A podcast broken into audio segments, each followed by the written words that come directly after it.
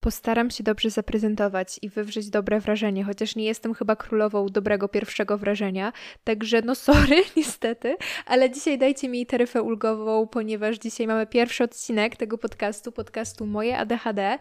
Tak jak mówi tytuł, będę tutaj mówić o swoich przeżyciach, o swoich odczuciach, ponieważ w wieku 21 lat dostałam diagnozę ADHD, było to pół roku temu i mam doświadczenia życia bez wiedzy, że mam ADHD, mam doświadczenie z życiem już po diagnozie, z życiem, z tym przeświadczeniem, że mam to ADHD, więc chciałabym się tutaj z Wami podzielić. Mam nadzieję, że ktoś się będzie mógł z tym utożsamić i że po prostu stworzymy taką sobie tutaj małą społeczność, e, że ten odcinek też sprawi, że Wy się poczujecie lepiej. Jeżeli macie jakichś nam różnorodnych znajomych, to zapraszam, żebyście to udostępnili. Jeżeli ten odcinek Wam się spodoba, to też e, będzie mi mega miło, jeżeli zaobserwujecie dacie gwiazdki, to będzie cudowne, naprawdę. Na początek jeszcze powiem, że ja nie jestem żadną specjalistką.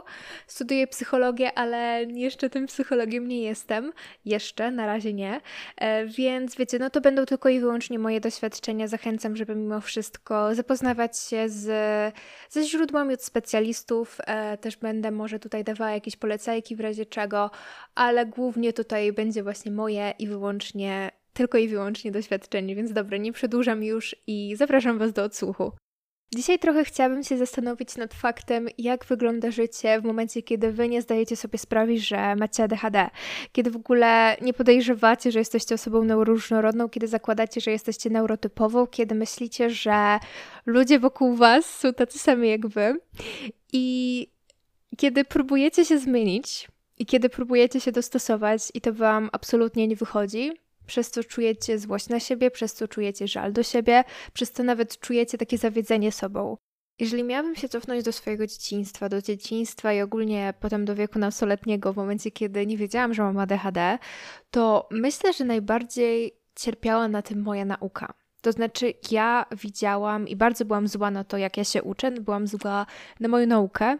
Dlaczego? Po pierwsze, ja miałam takie dwa wilki w sobie trochę. Z jednej strony miałam to poczucie, że wkładam bardzo dużo wysiłku, ale nie dostaję takich ocen, jakbym chciała.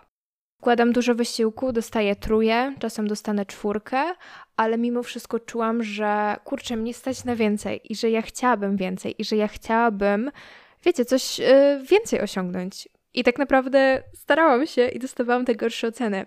A z drugiej strony, ja zawsze miałam taką łatkę osoby, która bardzo dużo siedzi w książkach. Zawsze od maleńkości byłam chwalona, że ja jestem taka pilna uczennica. Jakby popatrzeć na to z boku, no to oczywiście to jest prawda. Dlaczego? Bo ja zawsze siedziałam w książkach. Tylko, że ja się tak maskowałam, że ja nie byłam w stanie przyznać, że ja się cały czas rozpraszam. I że ja cały czas odpływam albo w telefon i skroluję. Jeżeli sobie dam szlaban na telefon, to odpływam myślami, że nie potrafię się skupić. Po prostu nie mogę skupić się przez dłuższą ilość czasu. I to zawsze tak wyglądało, że siadałam do nauki, do nudnej nauki, Posiedziałam chwilę, potem musiałam odejść, pochodzić nawet po pokoju, posłuchać muzyki i znowu wracać. I siedziałam do późna w nocy, bo jeszcze nie skończyłam robić rzeczy na przykład na jutro i naprawdę siedziałam do 12, do czasem pierwszej, czasem nie wiem, czasem jeszcze może trochę dłużej, żeby tylko zrobić te lekcje, których nie, nie dałam rady zrobić wcześniej. I zawsze miałam plany, że ja się w końcu ogarnę, że tak się zorganizuję, że wszystkie lekcje będę w stanie zrobić na tygodniu. Zawsze powtarzałam sobie, że w niedzielę zrobię tak, że w niedzielę będę zawsze mieć wolne, że zrobię wszystko albo w piątek, albo w sobotę, przez to też się przepracowywałam, bo chciałam wszystko zrobić, wiecie, w piątek i zamiast sobie odpocząć, to ja od razu siadałam w te książki, bo ja chciałam wszystko zrobić. I zawsze to się tak kończyło, że cały weekend siedziałam nad tymi książkami, bo nie byłam w stanie czegoś zrobić, na przykład w tą sobotę czy do tej soboty. I się czułam okropnie, bo wiecie, kolejny weekend i wiecie, z takiej perspektywy, jeżeli nie wiecie, że macie ADHD i nie wiecie, że macie niedobór dopaminy, nie wiecie, że nudne zadania są dla was ciężkie, no to się obwiniacie, bo macie takie, czemu ja się nie potrafię skupić? Jestem leniwa, czemu ja skroluję ten telefon, no coś jest ze mną nie tak, czemu ja słuchaj, słucham tej muzyki, czemu nie potrafię siąść i się skupić. I myślę, że przez większość czasu miałam taki syndrom oszusta. To się jeszcze bardziej zaostrzyło, kiedy weszły zdalne zajęcia, bo wtedy, tak wiecie, totalnie straciłam. Wtedy mi się wydawało, że ja nic nie robię. Wtedy mi się wydawało, że ja w ogóle, w ogóle się nie uczę, w ogóle te oceny nie są zasłużone, to co ja robię i okropnie się wtedy naprawdę czułam. Nie wiedziałam jak z maturą, bałam się, że mogę nie napisać tej matury tak dobrze, jakbym chciała. Chciałam się dostać na psychologię.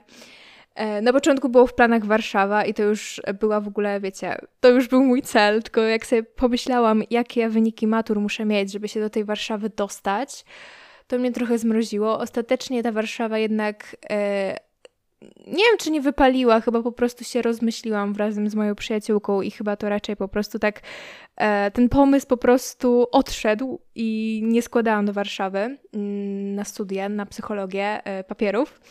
I o co mi chodzi? Bałam się, że nie, nie będę w stanie napisać tej matury tak dobrze, jakbym chciała. I jakie było moje zdziwienie, kiedy rzeczywiście udało mi się tę maturę napisać dobrze. I kiedy dostałam się na psychologię w Lublinie.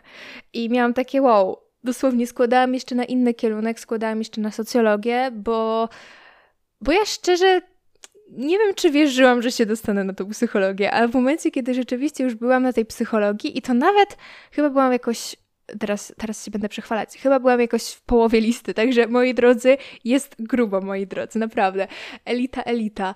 E, wiecie o co chodzi? Miałam takie, Boże, okej, okay, czyli ty jednak, ty jednak coś potrafisz. To nie jest tak, że ty oszukujesz cały system, bo jednak wiecie, no matury się nie da oszukać i rekrutacji na studia też się nie da oszukać i i wiecie, dorastanie z takim właśnie syndromem oszusta, że wy oszukujecie, że wy się nie uczycie, że każdy mówi, jak to wy się uczycie, a wy tak naprawdę nie robicie tego. Bo wiecie, no, ciężko tak naprawdę było zmierzyć w tamtym czasie, ile ja się uczę. Bo jeżeli cały czas się rozpraszałam, to ja nie byłam w stanie, wiecie, tak zarejestrować, ile ja się uczę, bo to, że na przykład siedziałam jakieś 5 godzin nad biurkiem, wcale nie znaczy, że ja tyle się uczyłam. Ale to też nie znaczy, że ja się nie uczyłam. Ja się uczyłam, tylko po prostu to było strasznie rozwalone i to nie była taka nauka, jak ja bym chciała, żeby to wyglądało, że wiecie, siadam o godzinie siódmej i się uczę do dwunastej, tak po prostu piękny ciąg, tylko to było bardziej właśnie porozrzucane na inne godziny, na inny czas i tak dalej. Więc, więc tak, więc do pewnego momentu tylko ta nauka była tym takim problemem, że ja widziałam, że coś jest nie tak, kiedy rzeczywiście jakoś się obwiniałam a z drugiej strony wszystkie moje impulsywne zachowania, moje bałaganiarstwo, czy moje spóźnianie się, chociaż wtedy jeszcze tak jakby jeździłam z rodzicami, więc w sumie to oni się bardziej spóźniali przeze mnie, e, niż ja sama się spóźniałam, e, za co przepraszam teraz. E, no ale wiecie, to jakoś tak wbiłam w swój charakter, że no ja jestem taka bałaganiara, że ja tutaj się spóźniam i tak dalej, że się nie potrafię wyszykować. Inne rzeczy impulsywne nie przeszkadzały mi, czyli korzystanie z telefonu, jakieś jedzenie słodyczy czy cokolwiek, no trudno, żeby jakieś dziecko na to narzekało. Raczej to jest raj dla dziecka, więc ja nie widziałam absolutnie problemu. Problem zaczął się w momencie, kiedy ja już zaczęłam dorastać i zaczęłam się interesować rozwojem osobistym. I wiecie, na początku weszła hiperfiksacja oczywiście, czytanie wszystkich książek samorozwojowych, wszystkich filmików, słuchanie podcastów, po prostu wow, pełna fala, po prostu idziemy z tym wszystkim, lecimy. I wiecie, w momencie, kiedy na początku jeszcze byłam w tym stanie, że dobra, ja się zmieniam, no to okej, okay, super, tylko problem polegał Problem pojawił się w momencie, kiedy ja już czułam, że ja jestem za długo w tym samorozwoju i wciąż nie jestem w tym miejscu, w którym chcę. No bo kurde, inni ludzie są w stanie, nie wiem, przez trzy miesiące, przez pół roku coś robić i potem już wszystko ok, wychodzą na prostą, a ja cały czas w tym siedziałam. I ja cały czas, wiecie, robiłam jeden krok do przodu, cofałam się o dwa kroki, byłam zła na siebie, że cały czas mi to nie wychodzi, byłam zła, że nie jestem jeszcze w tym miejscu, w którym chcę być. Miałam też taki moment, kiedy wszystko robiłam tak bardzo mechanicznie, to znaczy, kiedy dałam sobie spis jakichś określonych nawyków i stwierdziłam, że dobra, ja będę codziennie robić i to będzie, to będzie znak, że moje życie jest wartościowe i to jest znak, że moje życie idzie do, w dobrym kierunku, moje życie idzie do przodu. Tylko ja nie czułam satysfakcji z odbębniania tych nawyków, bo no z ADHD też jest tak, że wiecie, jak się wkradnie rutyna, jak się już wkradną takie rzeczy mało ciekawe, mało interesujące, no to jest nam ciężko czerpać z tego satysfakcję, bo to już nam nie daje ten dopaminy. Tak jak na początku, kiedy się tym jarałam, kiedy to wszystko poznawałam. W momencie, kiedy to już opadło, to o wiele trudniej mi było być... E, wiecie, czerpać z tego radość i być tak naprawdę w tym wszystkim konsekwentnym. Więc myślę, że chyba tylko po to, żeby sobie coś udowodnić, starałam się właśnie tak odbębniać te wszystkie nawyki, w ogóle nie czerpiąc z tego radości, ale czułam, że tak się powinno robić, nie? Że ludzie szczęśliwi robią te nawyki, więc ja też powinnam te nawyki robić. I czułam się znowu źle, czułam się trochę oszukana przez los, ponieważ zawsze miałam w głowie tą taką wizję tego, że nawyk na początku jest ciężki, że ciężko nam się zmusić jest do czegoś, ale jak już to zrobimy, jak już się przełamiemy, jak już będziemy tam robić jakiś nawyk przez te, nie wiem, 20-30 dni, no to już potem pójdzie z górki, będziemy to kochać. I wiecie, mijały te dni, a ja wciąż tego nie lubiłam. Wciąż nie czułam tej dopaminy, nie czułam czegoś takiego, na przykład tak miałam z treningami, chodziłam na siłownię, ale nie czułam tego przypływu endorfin. I to tak wyglądało, że ja się po prostu zmuszałam, szłam tam i tyle, i wychodziłam. I to był jedyny, czułam taką satysfakcję, że okej, okay, udało mi się dzisiaj zrobić trening, ale nie czułam żadnych endorfin, nie czułam, że mi to sprawia żadną, wiecie, taką radość czystą i to było bardzo dziwne uczucie. I, i w momencie, kiedy czułam, że okej, okay, ja robię te nawyki i to jest wszystko takie bez życia i to wszystko w ogóle mnie nie cieszy, to po prostu odpuszczałam. I potem byłam zła na siebie, że nie mogę wrócić na właściwe tory i zaczynał się, wiecie, taki proces wracania na te właściwe tory, potem znowu się wycofywania, potem znowu próbowania. I to było bardzo ciężkie, ponieważ tylko i wyłącznie byłam wtedy zła na siebie, zła na to, że nie mam silnej woli, że nie mam dyscypliny. I naprawdę nie pomagał fakt, że widziałam w internecie, czy widziałam w prawdziwym życiu osoby, które są w stanie robić te wszystkie rzeczy, są w stanie robić te wszystkie nawyki. Bo widzicie ludzi, którzy są w stanie uczyć się 3-4 godziny pod rząd, widzicie ludzi, którzy są w stanie wstawać o 5 rano, robić te wszystkie nawyki, mieć swoje rutyny i myślicie sobie, kurde, skoro te osoby potrafią to robić to ja mam takie same możliwości i ja też powinnam umieć to robić, więc jeżeli to mi nie wychodzi, to znaczy, że to jest tylko i wyłącznie moja wina, bo ja nie mam wystarczająco dużej silnej woli, nie mam wystarczającej motywacji, nie mam wystarczającej dyscypliny i wina jest we mnie. I tak wygląda życie z niezdiagnozowanym ADHD. Cały czas staracie się dopasować do neurotypowego świata i jesteście na siebie źli, że wam nie wychodzi tak naprawdę dopiero kiedy ogarniecie, że ej, możecie być neuroróżnorodni, rozumiecie, że wy możecie osiągać te rzeczy, tylko po prostu potrzebujecie innych mechanizmów, żeby to osiągnąć. I też jak jesteście w takim stanie, to ciężko Wam przychodzi stawianie małych kroków i ciężko Wam przychodzi ogólnie pozwalanie sobie na odpoczynek.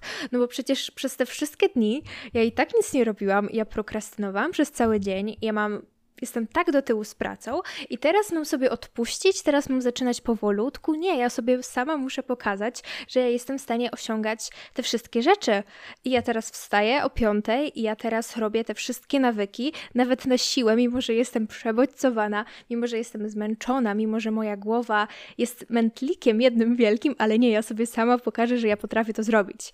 I potem jestem jeszcze bardziej przeciążona i jeszcze bardziej wypalona i to po prostu wszystko zatacza taki piękne koło wyczerpania i samo nienawiści do siebie. W momencie, kiedy zaczęłam zastanawiać się nad moim ADHD, kiedy zaczęłam czytać o moim ADHD, albo kiedy już w ogóle dostałam diagnozę i zaczęłam o tym tak czytać legalnie, bo przed diagnozą tak czytałam, okej, okay, to jest ADHD, no ale to pewnie nie ja. A już jak miałam diagnozę, to miałam takie, dobra, to jest o mnie, to jest o mnie, mogę czytać. I wiecie, ja nie zdawałam sobie sprawy, na ile aspektów mojego życia wpływa ADHD.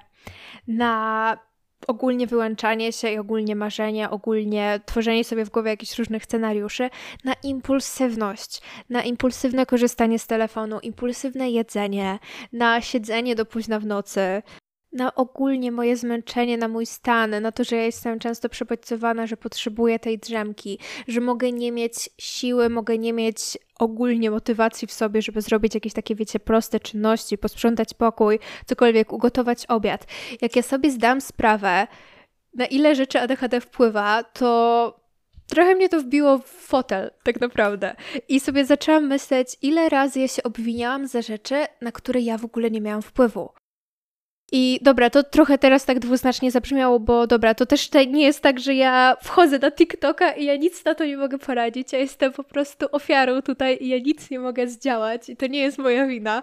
Bo oczywiście, że wiecie, no to ja mam wpływ na to wszystko, ale chodzi mi o to, że w momencie, kiedy macie niedobór dopaminy, i kiedy szukacie dopaminy właśnie w takich prostych rozrywkach, to ciężej wam z tego zrezygnować. To nie jest tak, że nie możecie, ale po prostu jest wam trudniej z tym wszystkim i macie pewne ograniczenia.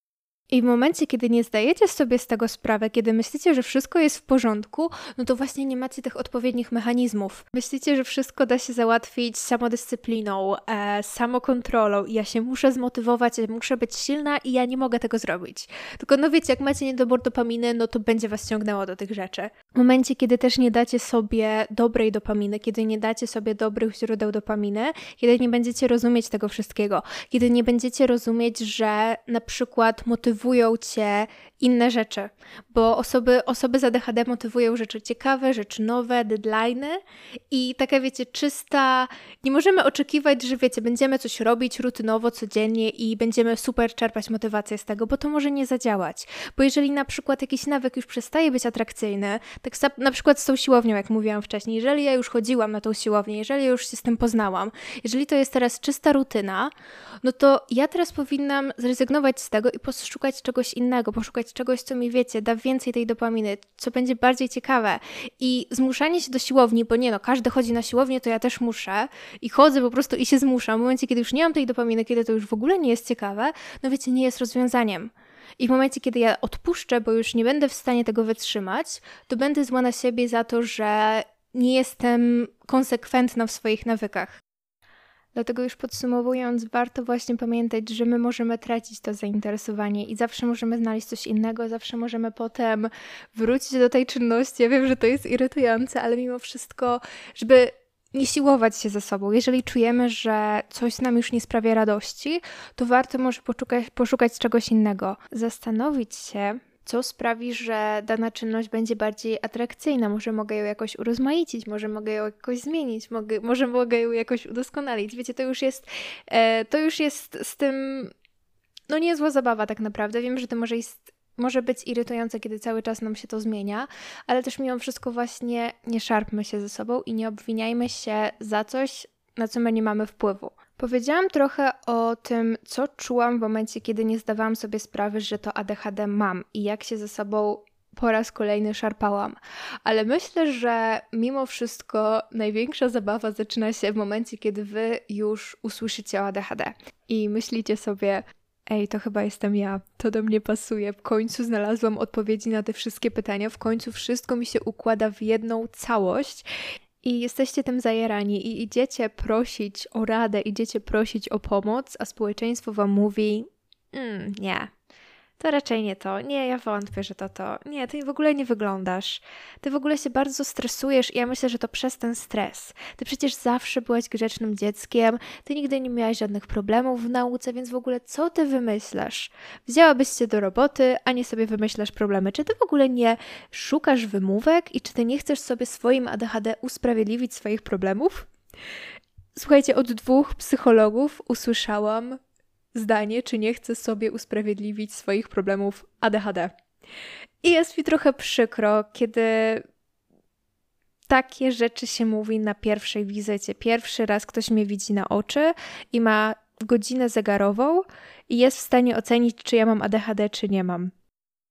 I to jest bardzo ciężkie, ponieważ osoby z ADHD już mają syndrom oszusta i już się zastanawiają, i one też już myślą, że wymyślają sobie coś. I wiecie, to zazwyczaj nie jest tak, że ktoś obejrzy jednego TikToka czy jeden filmik i już idzie już jest pewny, że ma ADHD. Zazwyczaj to są, wiecie, godziny researchu i tak dalej. Więc. A, nie róbmy tak. W momencie, kiedy ja usłyszałam, czy ja nie próbuję sobie usprawiedliwić moich problemów ADHD, usłyszałam jasny komunikat, że wymyślam i mam się ogarnąć. Że jestem leniwa i teraz przychodzę i sobie wymyślam problemy, że się nic nie dzieje, a ja jestem, nie wiem, wielka królowa i teraz zamiast się ogarnąć, ruszyć do roboty, to ja po prostu sobie wymyślam ADHD. Masakra, naprawdę. I słuchajcie, od momentu, kiedy pierwszy raz usłyszałam o ADHD u kobiet i kiedy usłyszałam o tych symptomach i miałam w głowie takie, ej, to jestem ja, E, do momentu mojej diagnozy minęły dwa lata. I wiem, że to jest super dużo. I wiem, że są osoby, które czekają jeszcze dłużej na diagnozę. Wiem, że niestety są osoby, które myślą o ADHD, ale nigdy nie dostają diagnozy i muszą żyć z tym syndromem oszusta cały czas. I tak naprawdę, wiecie, ja do momentu otrzymania diagnozy czułam, że, że ja tego ADHD nie mam. I ja byłam trochę w szoku, jak mi psychiatra powiedział, że to ADHD jest. I potem znowu się włączył syndrom oszusta.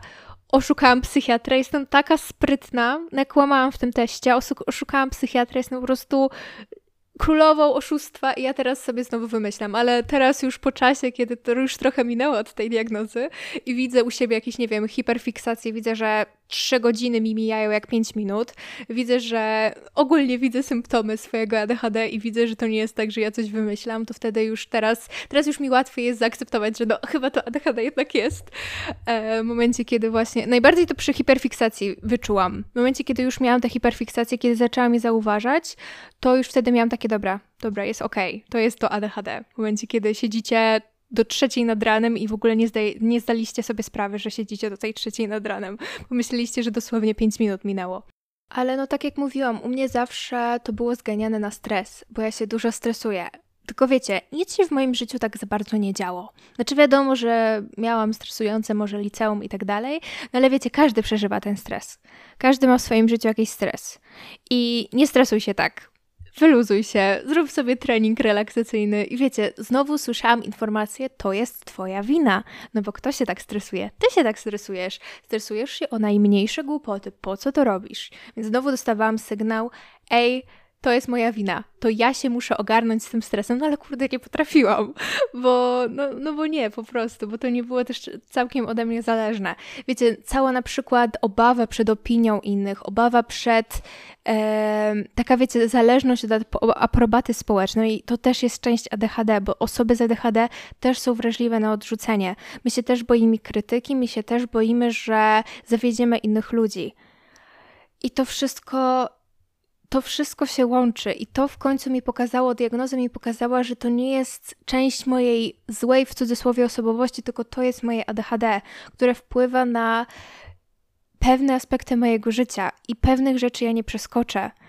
I bardzo mi jest przykro w momencie, kiedy właśnie myślę sobie o tych przeszłych latach, kiedy chyba bardziej mi jest przykro, jeżeli myślę sobie o osobach, które dostały diagnozę o wiele, o wiele za późno, kiedy już są po 40, po 50, albo kiedy w ogóle nie dostały diagnozy ADHD, kiedy, kiedy nawet nie, nie usłyszały o tym, że jest coś takiego jak ADHD u dorosłych, jest coś takiego jak ADHD u kobiet i ono wygląda zupełnie inaczej. Dobra, zupełnie inaczej. Że nie jestem teraz psychiatrą, ale po prostu symptomy są inne u kobiet, bo ja oczywiście, wiecie, wiedziałam, co to jest ADHD, ale dopiero w wieku tam 18 lat zrozumiałam, e, czy 19, kłamię teraz, w wieku 19 lat y, usłyszałam o ADHD u kobiet i że to wcale nie wygląda tak jak u chłopców i że te objawy do mnie pasują. I właśnie przykro mi myśleć i też wspominać te wszystkie czasy, kiedy ja myślałam, że to jest ze mną coś nie tak. Kiedy myślałam, że to ja jestem leniwa, że to ja jestem nieogarnięta, że jedyne co muszę zrobić to się ogarnąć. I cały czas mi nie wychodziło i cały czas się czułam z tym wszystkim okropnie. I teraz, kiedy już mam diagnozę, kiedy już się uczę o tym ADHD, kiedy rozumiem, na co wpływa to ADHD, jest mi po prostu łatwiej. I wiecie, nie chcę mówić, że ta złość znika totalnie, ale myślę, że teraz już rozumiem, że Wiecie, też nie chodzi o to, żeby teraz usprawiedliwiać sobie swoje zachowania i to nie znaczy, że ja teraz mogę siedzieć całą noc na TikToku, tylko że ja po prostu rozumiem, okej, okay, przesiedziałam tyle godzin na TikToku. To jest przez to, że mam niedobór dopaminy. To jest przez to, że mam ADHD co mogę zrobić, żeby to się nie powtórzyło, bo wiem, że to na mnie źle wpływa. Jaką inną formę dopaminy mogę sobie znaleźć, co, mogę, co innego może mi dać tą dopaminę. I wiecie, ja szukam mechanizmów i ja teraz się uczę, jak sobie z tym wszystkim radzić.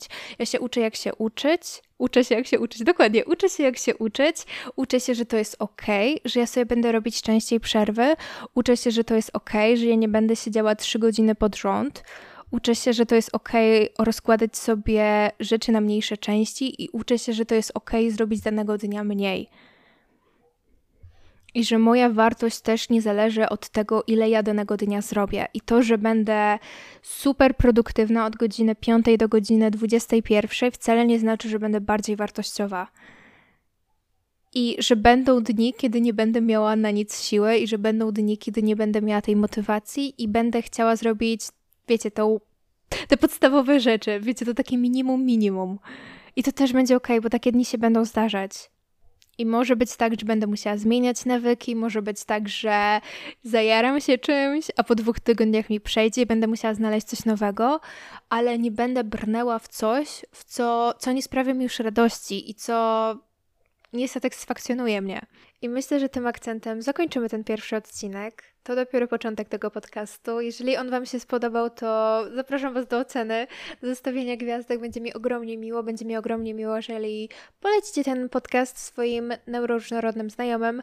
Jeżeli napiszecie do mnie, czy też się z tym utożsamiacie, wszystkie linki do mojego Instagrama, do mojego TikToka są w opisie, więc też, tam, tam też Was zapraszam, moi drodzy. Już się plączę we wszystkim. I, I mam nadzieję, że ten odcinek Wam się spodobał. I ja się bardzo jaram tym podcastem, naprawdę. Cieszę się, że w końcu mam takie miejsce, kiedy będę gdzie będę mogła stricte mówić o swoim ADHD i budować społeczność z razem z Wami. Także dziękuję Wam bardzo serdecznie. Kłaniam się nisko i do zobaczenia w kolejnym odcinku.